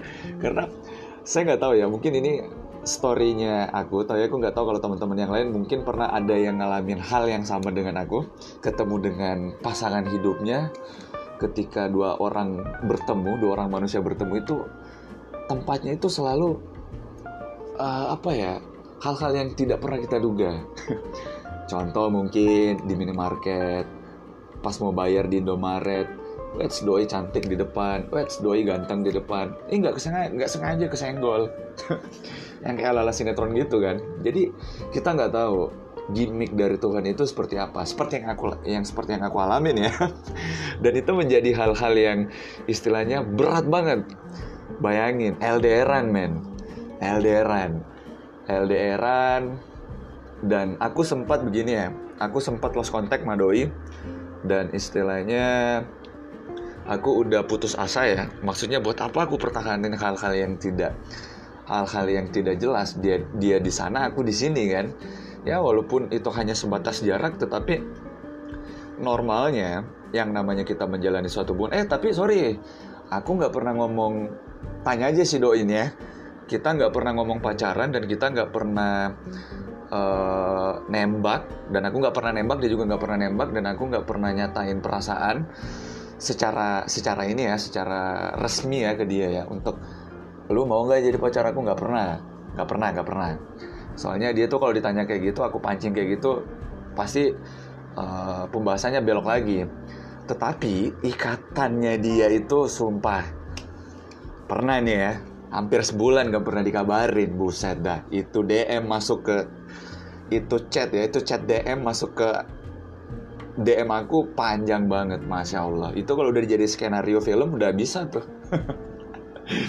Dan hal itu dari situ dia sering kayak gitu dia sering kayak gitu. Itu yang membuat aku mikir bahwa ini anak nggak bener nih.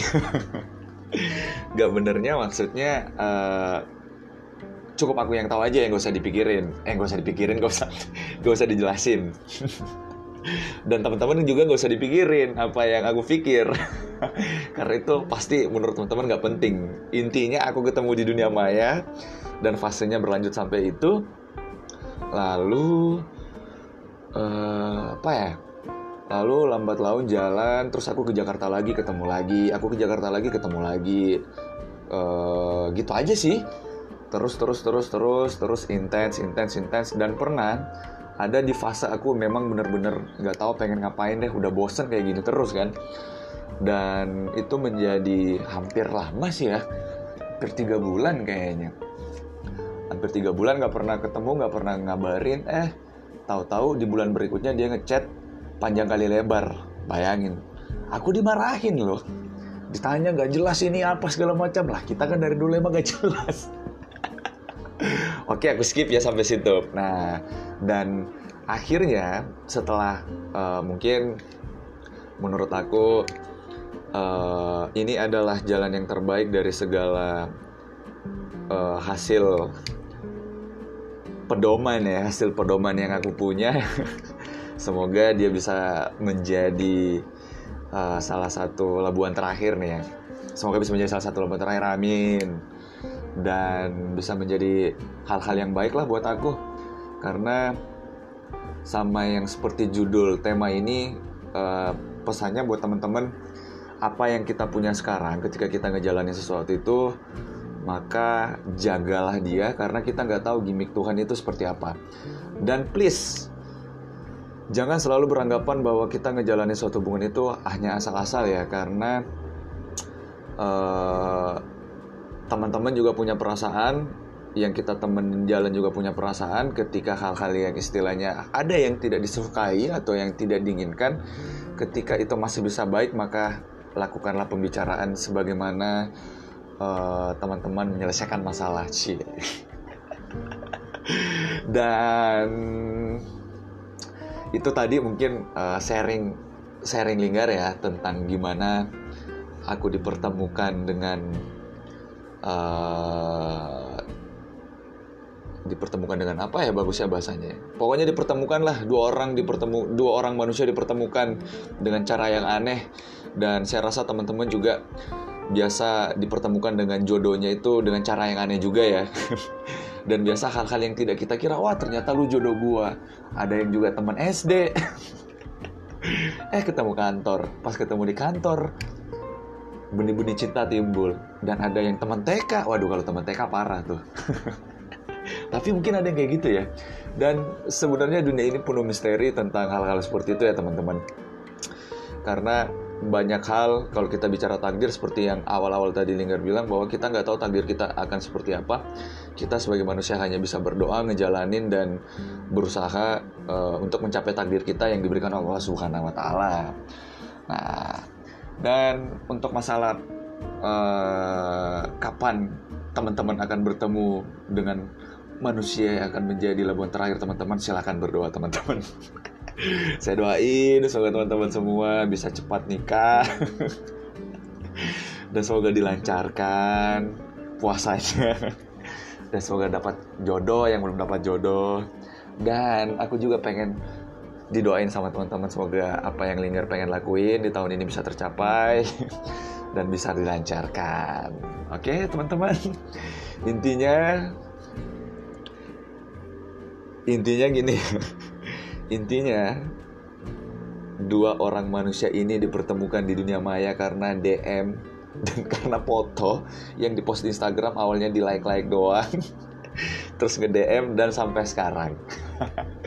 Walaupun sempat lost contact, aku nggak tahu dia berhubungan dengan siapa dan aku berhubungan dengan siapa. dan ujung-ujungnya Tuhan memberikan uh, apa jalan untuk bertemu kembali dan melakukan hal-hal yang lebih serius walaupun banyak yang dikorbanin sih sebenarnya. Tetapi menurut aku ini adalah hal yang terbaik dan the best menurut aku ya. Amin ya Allah ya Rabbi. Oke teman-teman mungkin itu aja uh, sharing Linggar tentang gimana sih dua orang manusia ini dipertemukan. dan kalau teman-teman punya pertanyaan atau punya penjelasan kalau Linggar masih kurang ya mohon maaf karena Linggar juga masih ngetes dan Linggar juga hanya manusia biasa dan Linggar juga doain semoga teman-teman bisa cepat uh, melakukan apa yang diinginkan semoga tercapai di tahun ini dan kalau masih ada yang kurang dari Linggar mohon ditambahin di kolom komentar nan kolom komentar IG link talk to talk dan jangan lupa share dan follow IG Link Talk to Talk. Oke, okay? selamat berpuasa, semoga dilancarkan. Amin, Allahumma amin. Tetap ikuti episode selanjutnya di Link Talk to Talk podcast. Assalamualaikum warahmatullahi wabarakatuh.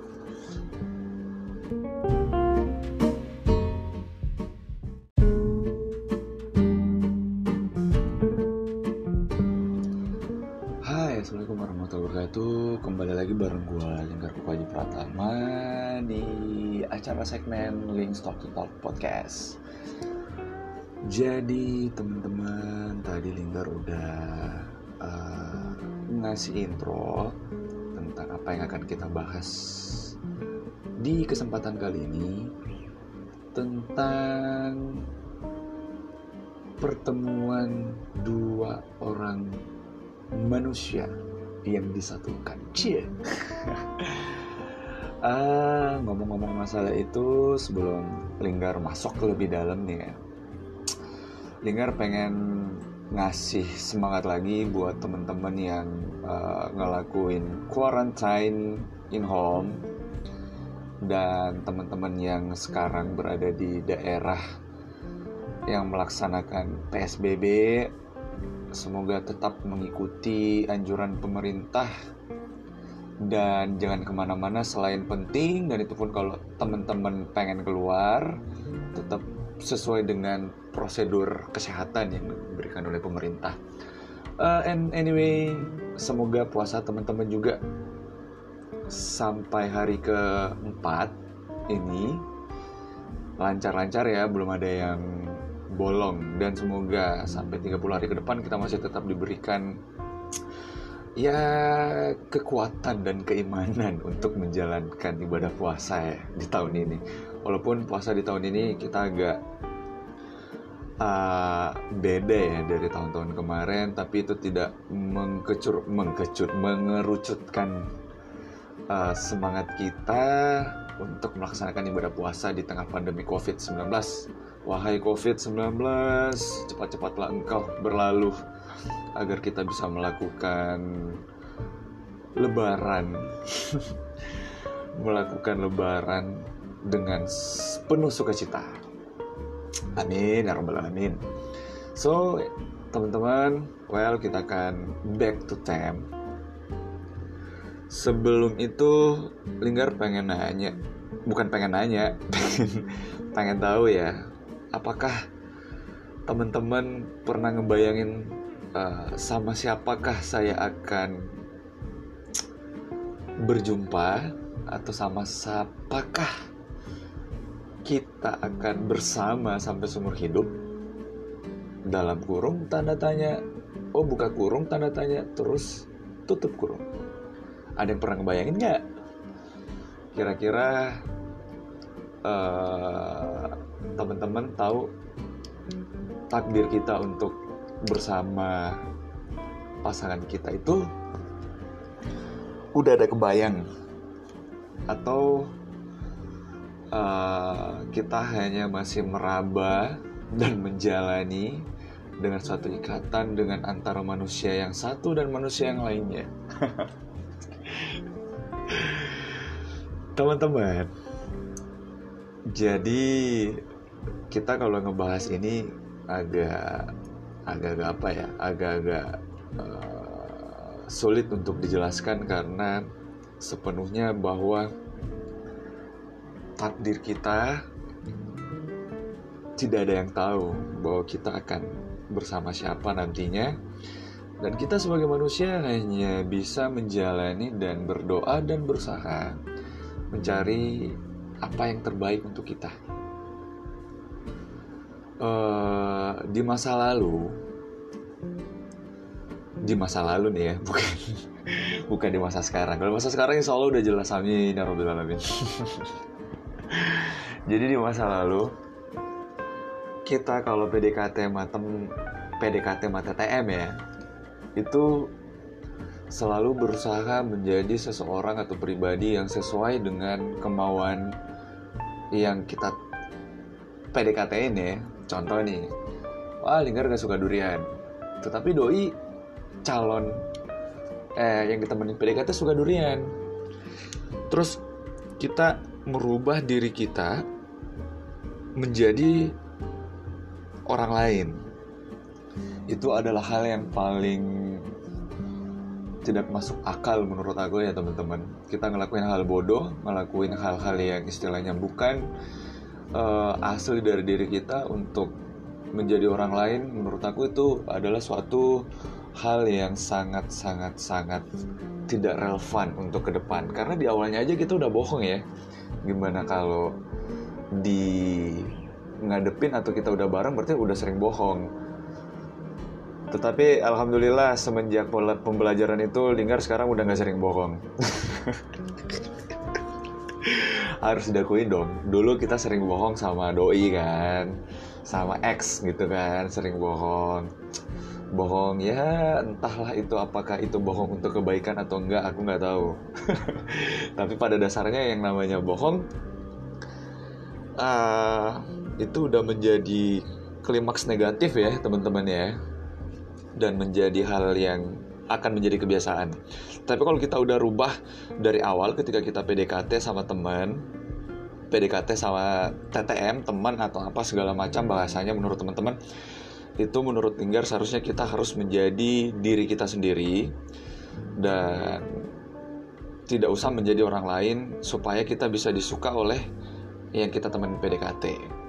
Soalnya gini nih teman, yang kita temenin PDKT belum tentu menjadi takdirnya kita juga bahwa dia akan menjadi pasangan kita selama selamanya ya atau seumur hidup ya walaupun di antara beberapa persen lah ada juga orang yang hanya pacaran sekali atau ngejalanin hubungan sekali.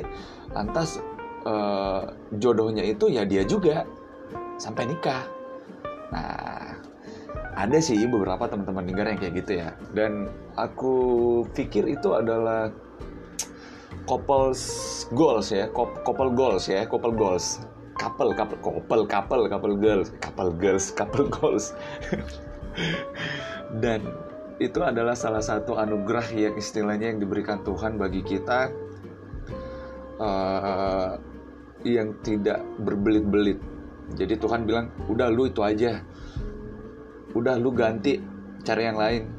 Tapi kalau sumpama dari awal uh, baru ngejalanin hubungan satu, hubungan satu kali lantas dia juga menjadi jodoh kita alhamdulillah wa syukurillah berarti dia adalah salah satu uh, pasangan yang mujur ya pasangan yang istilahnya uh, diberkati oleh Allah Subhanahu wa taala. Nah, masuk ke beberapa program lagi ya, beberapa segmen nih. Program menjalani hubungan. Uh, Linggar nih setelah menjalani dunia asmara sik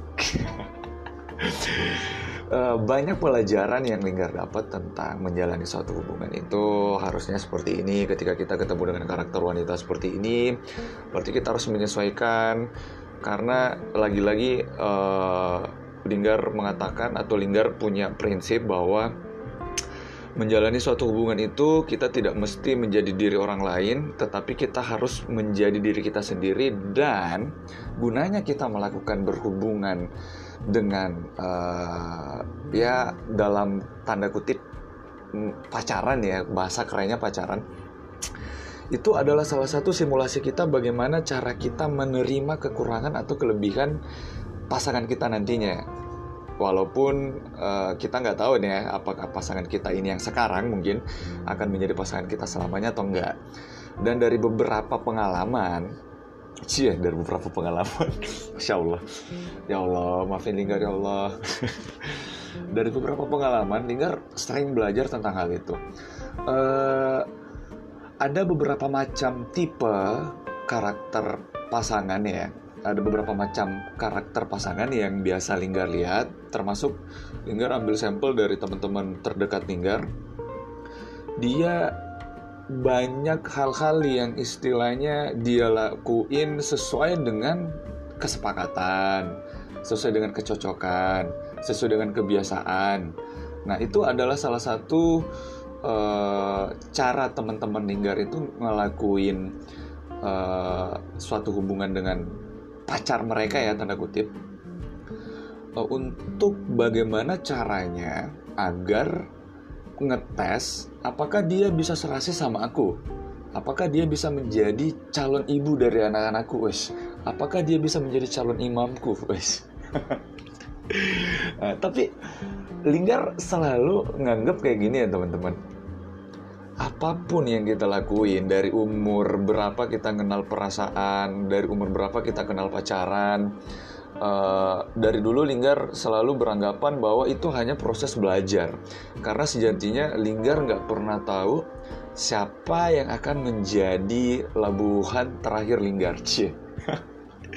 Walaupun dalam fase menemukan itu kita banyak mengalami hal-hal yang dalam artian hal-hal yang istilahnya uh, agak sensitif ya tanda kutip kita dianggap jahat karena kita ngenyia-nyiain perasaan seseorang ataupun kita dianggap istilahnya tidak peduli dengan dia yang sudah benar-benar tulus sayang sama kita. Tetapi menurut Linggar, hal is positive thingnya adalah uh, ketika Tuhan menghendaki, maka tidak ada bi tidak ada yang bisa untuk mengalahkan kehendak Tuhan itu lagi-lagi Linggar prinsipnya seperti itu teman-teman ya karena seperti yang Linggar bilang bahwa pertemuan dua orang manusia itu sejatinya itu telah diatur. Kalau kita ngebahas secara agama nih ya itu udah diatur oleh Tuhan itu sendiri.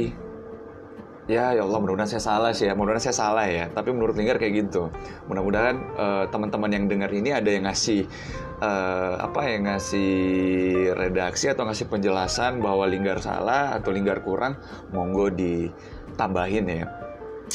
Karena Tuhan itu sejatinya ketika kita udah dilahirin ketika udah dilahirin kita itu udah punya tanggung jawab nih entahkah itu perkara jodoh, perkara rezeki, perkara kelakuan kita, perkara apa yang akan kita gunakan. Uh, kita dikasih otak untuk berpikir, kita dikasih ini sama Tuhan untuk ini ini semuanya multifungsi teman-teman ya.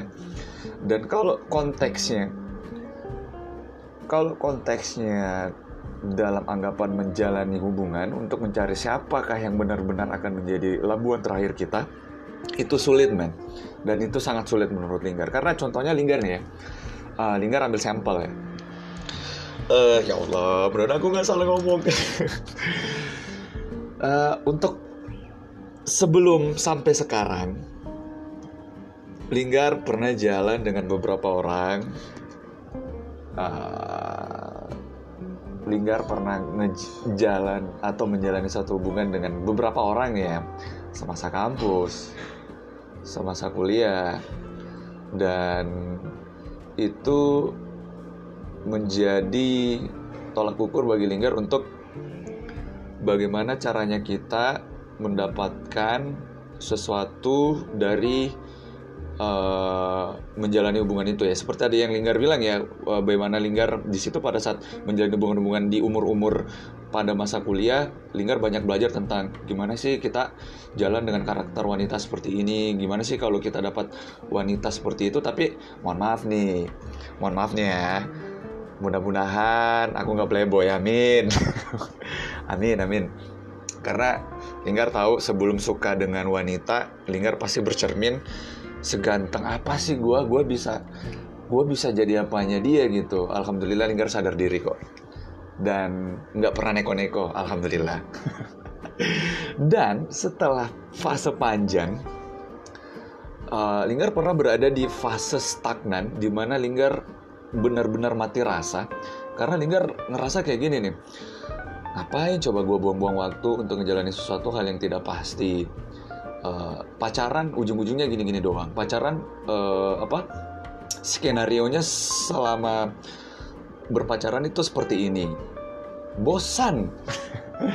Dan tidak ada hal-hal yang menarik istilahnya yang uh, Linggar dapetin dengan uh, apa melakukan hubungan yang namanya pacaran itu. Sehingga Linggar berada di konteks orientasi yang benar-benar nggak pengen ngelakuin atau nggak pengen uh, apa nggak pengen menjalani suatu hubungan selama mungkin sampai benar-benar Linggar mendapat sosok yang istilahnya yang benar-benar wow. Cie.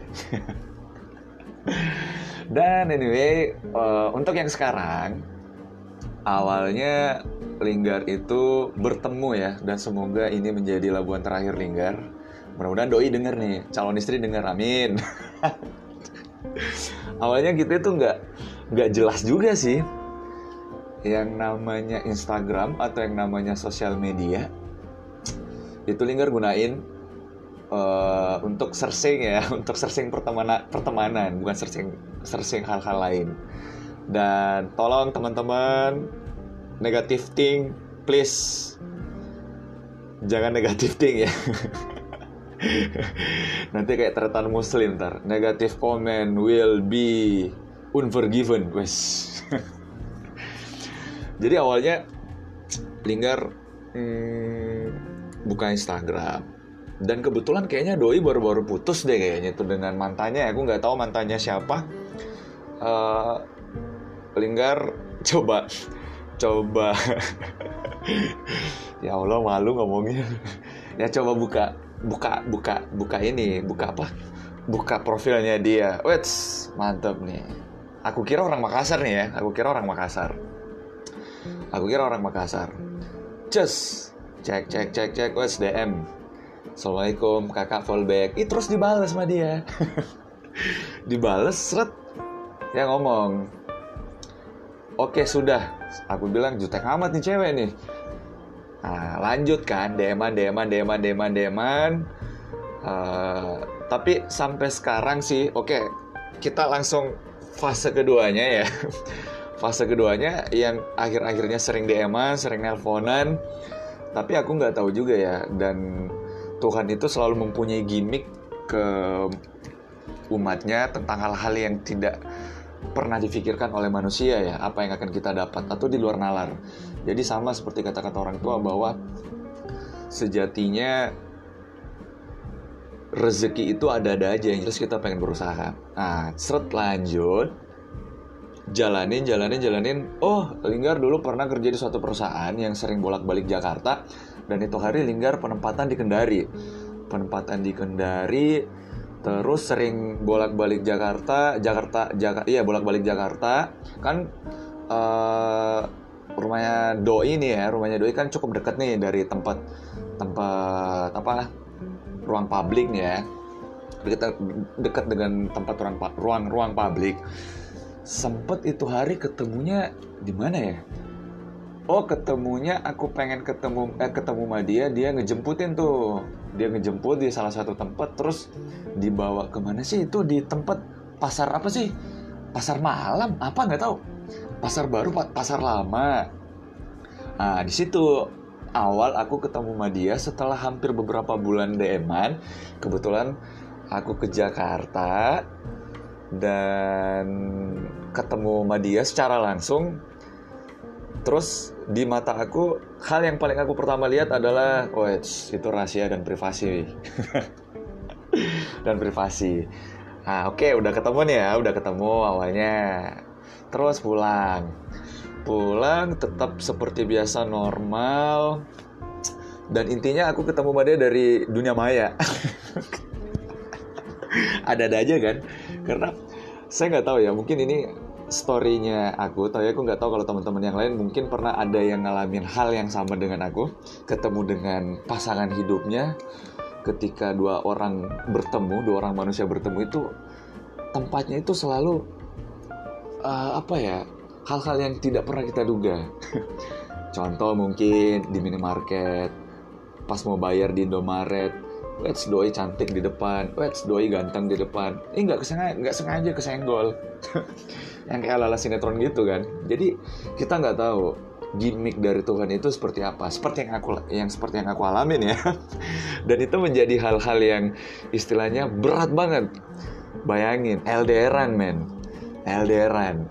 LDRan dan aku sempat begini ya. Aku sempat lost contact sama doi dan istilahnya aku udah putus asa ya maksudnya buat apa aku pertahanin hal-hal yang tidak hal-hal yang tidak jelas dia dia di sana aku di sini kan ya walaupun itu hanya sebatas jarak tetapi normalnya yang namanya kita menjalani suatu hubungan eh tapi sorry aku nggak pernah ngomong tanya aja si doin ya kita nggak pernah ngomong pacaran dan kita nggak pernah uh, nembak. Dan aku nggak pernah nembak dia juga nggak pernah nembak dan aku nggak pernah nyatain perasaan secara secara ini ya secara resmi ya ke dia ya. Untuk lu mau nggak jadi pacar aku? Nggak pernah.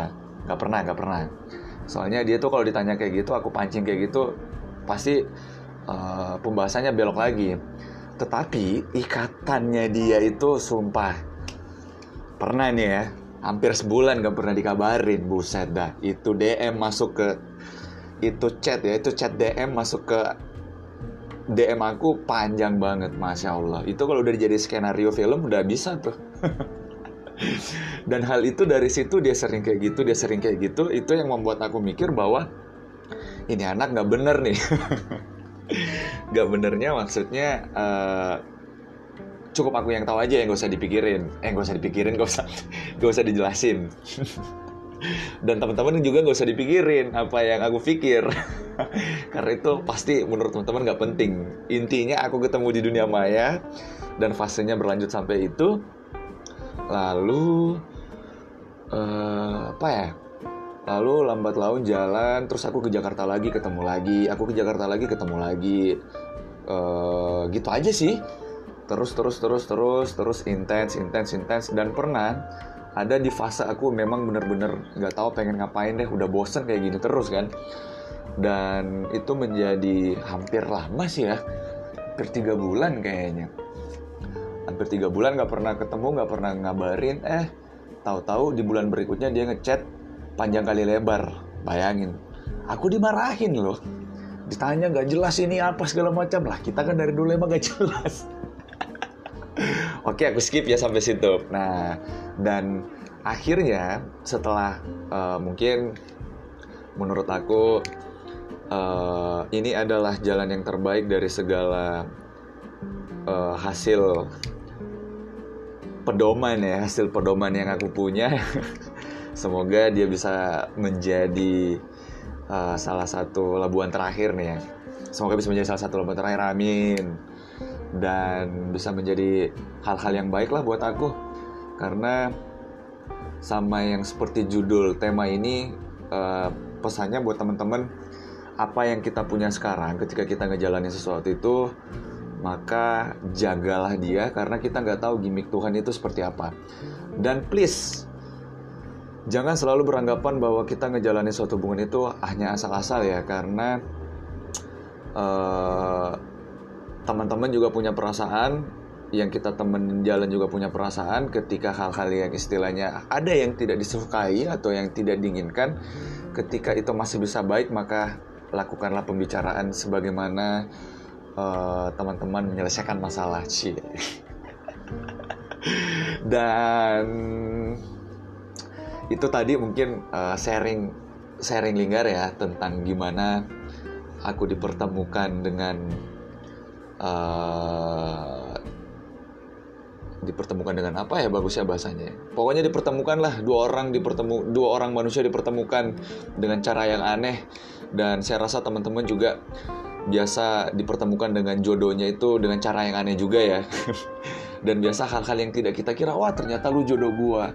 Ada yang juga teman SD eh ketemu kantor. Pas ketemu di kantor benih-benih cinta timbul. Dan ada yang teman TK waduh kalau teman TK parah tuh. Tapi mungkin ada yang kayak gitu ya. Dan sebenarnya dunia ini penuh misteri tentang hal-hal seperti itu ya teman-teman. Karena banyak hal kalau kita bicara takdir seperti yang awal-awal tadi Linggar bilang bahwa kita nggak tahu takdir kita akan seperti apa. Kita sebagai manusia hanya bisa berdoa ngejalanin dan berusaha uh, untuk mencapai takdir kita yang diberikan Allah Subhanahu Wa Taala. Nah dan untuk masalah uh, kapan teman-teman akan bertemu dengan manusia yang akan menjadi labuan terakhir teman-teman silahkan berdoa teman-teman. Saya doain semoga teman-teman semua bisa cepat nikah. Dan semoga dilancarkan puasanya. Dan semoga dapat jodoh yang belum dapat jodoh. Dan aku juga pengen didoain sama teman-teman semoga apa yang Linggar pengen lakuin di tahun ini bisa tercapai dan bisa dilancarkan. Oke teman-teman. Intinya intinya gini. Intinya, dua orang manusia ini dipertemukan di dunia maya karena DM dan karena foto yang dipost di Instagram awalnya di like-like doang. Terus nge-DM dan sampai sekarang. Walaupun sempat lost contact, aku nggak tahu dia berhubungan dengan siapa dan aku berhubungan dengan siapa. dan ujung-ujungnya Tuhan memberikan uh, apa jalan untuk bertemu kembali dan melakukan hal-hal yang lebih serius walaupun banyak yang dikorbanin sih sebenarnya. Tetapi menurut aku ini adalah hal yang terbaik dan the best menurut aku ya. Amin ya Allah ya Robi.